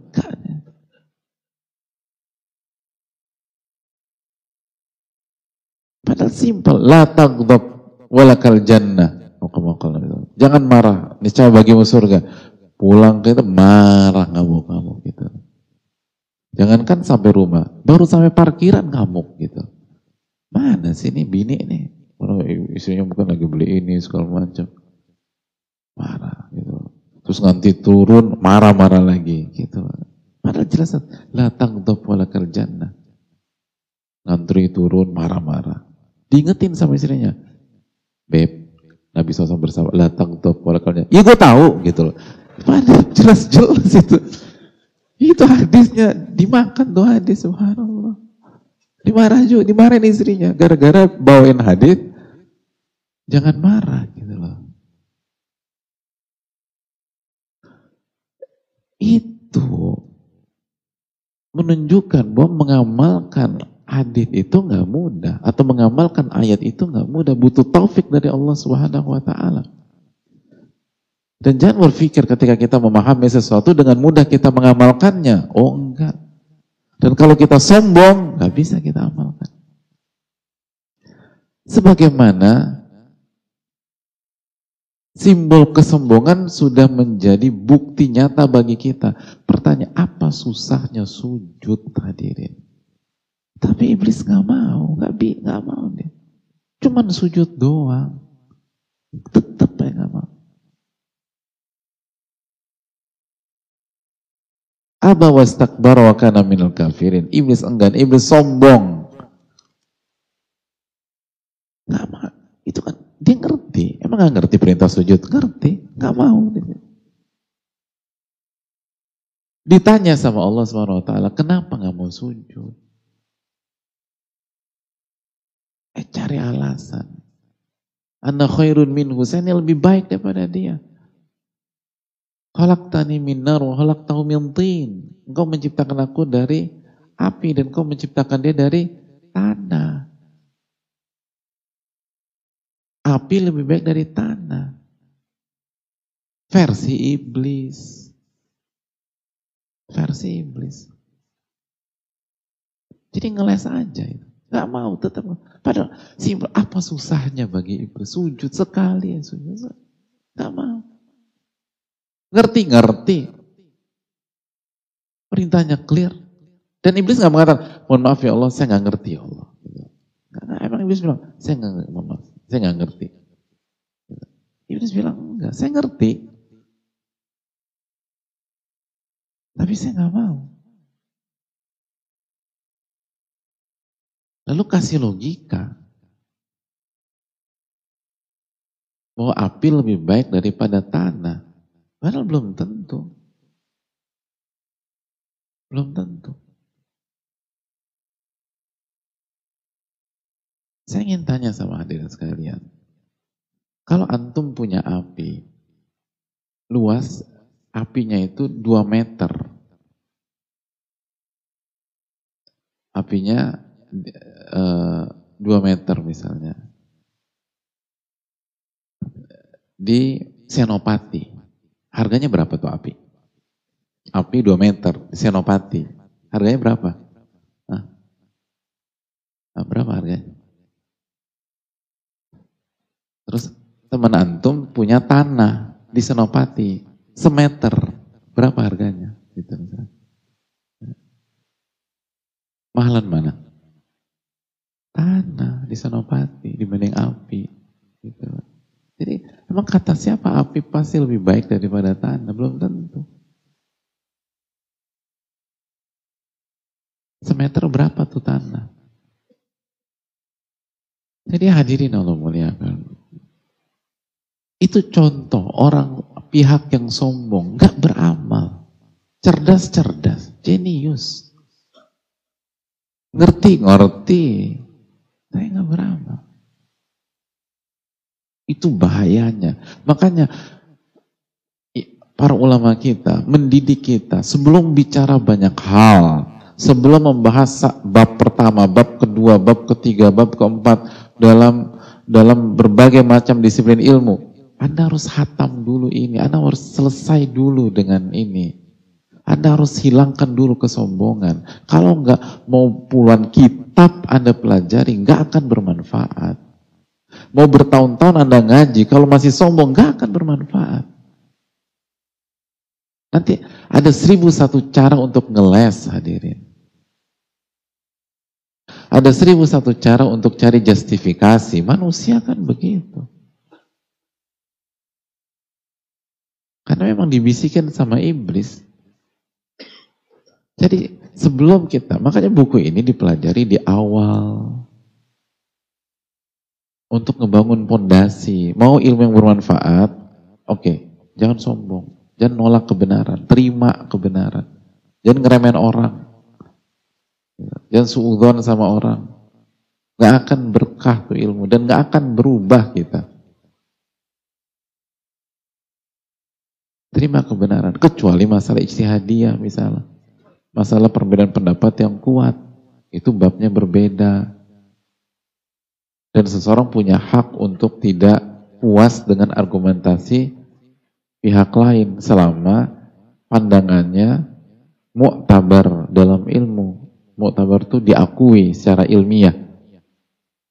Dan buka dan itu adalah pandangan para ulama mujtahidin yang punya kapasitas itu pembahasannya beda. Tapi kalau jelas-jelas salah, jelas-jelas keliru, jelas-jelas menyelisihi ijma atau nas dalam ilmu usul ya. Tahu nas. Nah, ini nas dari Al-Quran dan hadis. Pernah dengar nggak istilah itu? Nggak pernah. Nggak pernah dengar. Semuanya nggak pernah dengar ya? Segini orang. Nas, pernah dengar? Apa yang pernah dengar apa maksudnya? Ya kan saya bilang cuma bilang pernah dengar Pak Ustaz. Kalau tahu mah kagak gitu. Yang penting pernah dengar aja. Kalau kalau kalau yang terbesit di benak masyarakat umum nas itu tuh teks dari Al-Quran dan ini kan teksnya udah jelas ini nas dari Al-Quran tapi ini ini bukan bukan terminologi masyarakat umum ini terminologi usul fikih nas itu adalah sebuah redaksi yang tidak mengandung multi tafsir, hanya satu makna dan tidak membuka peluang untuk dipahami dengan cara yang lain oleh para pakarnya gitu. Itu nas. Nggak ada nggak ada pintu untuk pemahaman apa pemahaman kedua, pemahaman ketiga, pemahaman keempat, itu namanya nas. Jadi Sekali lagi, kalau udah ada ijma, ada nas, itu nggak bisa. Harus diterima hadirin. Lalu jangan ngeremehin orang, bener deh, jangan ngeremehin orang, gitulah hadirin. Ngeri buat kita hadirin sekalian. Orang tuh dihormati. Dan nanti kita akan bahas secara khusus masalah ini. Oleh karena itu hadirin yang memuliakan, inilah tiga hal atau tiga makna dari sa'asrifu an ayati alladzina yatakabbaruna fil ardi bighairil haqq Makna yang pertama, dia dibuat nggak paham. Makna yang kedua, mungkin paham, tapi tidak bisa mentadaburi. Dan makna yang ketiga, mungkin paham, tapi dia dibuat nggak bisa mengamalkan ilmu tersebut. Na'udzubillah minal kibar. Kita akan lanjutkan insya Allah pada pertemuan yang akan datang. Eh, pada di pertemuan yang akan datang insya Allah Ta'ala jika Allah mudahkan kita buka sesi tanya jawab wassalamualaikum warahmatullahi wabarakatuh Assalamualaikum warahmatullahi wabarakatuh. Waalaikumsalam warahmatullahi wabarakatuh. Semoga Allah merahmati Imam Ibnu Jamaah, para ulama, ustadz dan seluruh kaum muslimin amin ya rabbal alamin wa iyyakum. Ustadz bagaimana bisa mengikis dan menangkis ketakutan kekhawatiran yang syaitan nampakkan ke hadapan mata kita uh, tentang masa depan, kemiskinan, kesehatan, kekhawatiran, anak-anak uh, tumbuh jadi anak-anak yang tidak soleh. Mohon penjelasan Ustadz penyakit apa yang menghinggapi diri ini dan nasihat agar bisa sembuh darinya atau adakah keadaan yang diperbolehkan atas rasa khawatir tersebut? Wafakukumullah jazakallahu khairan barakallahu fikum. Ya. Hadirin Allah muliakan. Coba simak surat Al-Fatah ayat 6 ketika Allah berfirman wa yu'adzibal munafiqin wal munafiqat wal musyrikin wal musyrikat adh-dhannina billahi Dan Allah akan mengazab orang-orang munafik, baik laki-laki maupun wanita, orang-orang musyrik, baik laki-laki maupun wanita. Apa karakter mereka? Apa sifat mereka? Buruk sangka sama Allah. Su'udhan. Buruk sangka sama Allah. Dhanina billahi dhanna Mereka buruk sangka. Itu buruk sangka itu hadirin. Itu karakternya orang munafik sama orang musyrik. Dan itu akan membuat kita diadab sama Allah. Naudzubillah. Alaihim dairatus sau. Dan nanti keburukan hanya ngiter-ngiter depannya. Kena dia dengan itunya. Wa ghadiballahu alaihim dan Allah murka sama dia. Wa la'anahum dan Allah laknat dia. Wa addalahum jahannam dan Allah akan persiapkan jahannam buat dia. Dan itu tempat kembali yang sangat buruk wa saat masira. Jangan buruk sangka dengan Rabbul Alamin hadirin sekalian. Nggak ada alasan kita buruk sangka. Nggak ada alasan kita buruk sangka. Oh, waktu bayi kita nggak punya apa-apa. Waktu bayi kita nggak punya apa-apa. Gitu. Allah kasih kita rizki. Apalagi sekarang. Gitu. Apalagi sekarang. Bayi lebih rentan. Jadi kalau mau mau khawatir, bayi pas bayi lebih cocok khawatir daripada sekarang. Tapi waktu bayi, antum khawatir nggak? Nggak khawatir, antum ketawa sendiri lah, jungkir balik lah, muter-muter lah, nanti jajan inilah, jajan itulah gitu loh. Bahkan jajan yang nggak sehat, jajan makan gitu, nggak peduli udah besok mau sakit apa kan, gitu. Yang waktu kecil tuh, waktu kecil kalau mau tak ketakutan, waktu kecil lebih cocok. Nggak, kita nggak bisa apa waktu kecil. Gitu. Benar nggak? Dan kita santai aja tuh makan gitu. Suka jajan nggak sih waktu kecil? Nggak ya? Gitu, langsung makan itu tuh sayur-sayuran hijau gitu yang ada anti pestisida dan anti apa, langsung gitu makannya. Apa suka jajan juga? Oke, bergizi nggak jajannya? Sehat gitu loh, bagus gitu. Atau nanti ada inilah gitu loh minuman-minuman yang warna-warni gitu yang nggak jelas dari ini terus gitu, terus ada apa pakai saus yang apa namanya yang sampai sekarang penuh misteri ada apa di balik di balik itu semua tapi enak gitu loh dan sebagian kita udah tahu loh gitu loh itu itu misteri yang sulit dipecahkan tapi tetap aja dimakan gitu. Oh, tawak, oh, tawak kalau itu harusnya kan kalau kita kalau ada momen yang lebih cocok untuk ketakutan pada saat itulah. Tapi bebas kita makan semua nggak ada ini. Loh kok sekarang ini ada? Gimana? Nggak logis. Kecuali dari syaitan. Kecuali dari syaitan hadir sekalian.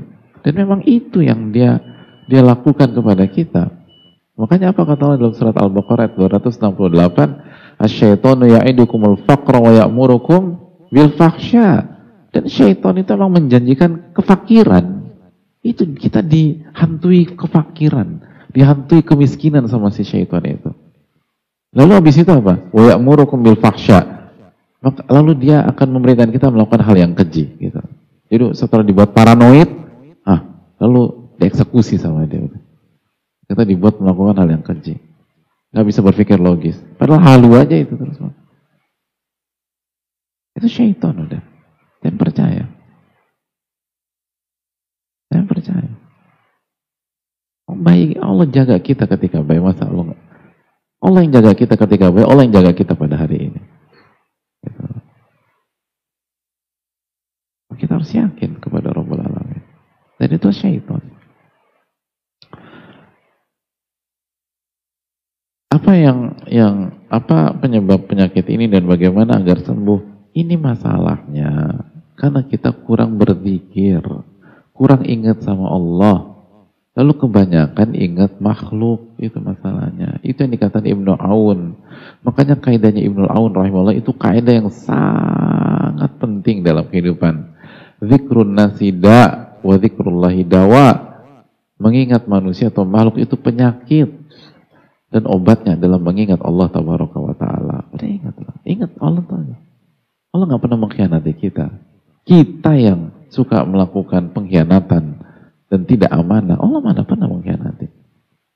Inna Allah la yukhliful mi'ad. Allah nggak pernah menyelisih janji-janjinya.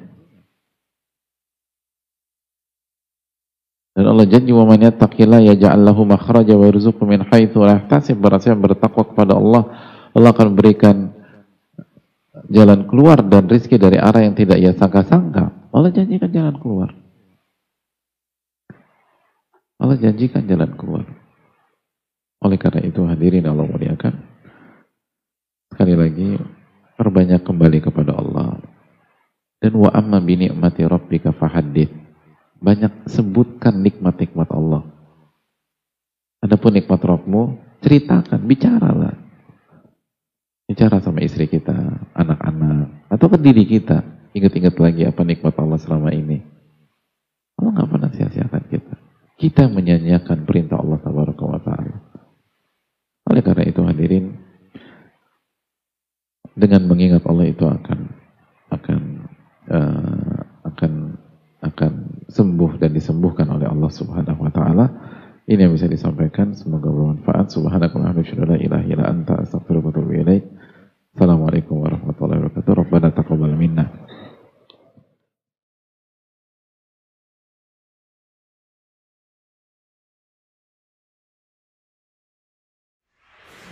Berbagi pangan dibalas hidangan surga.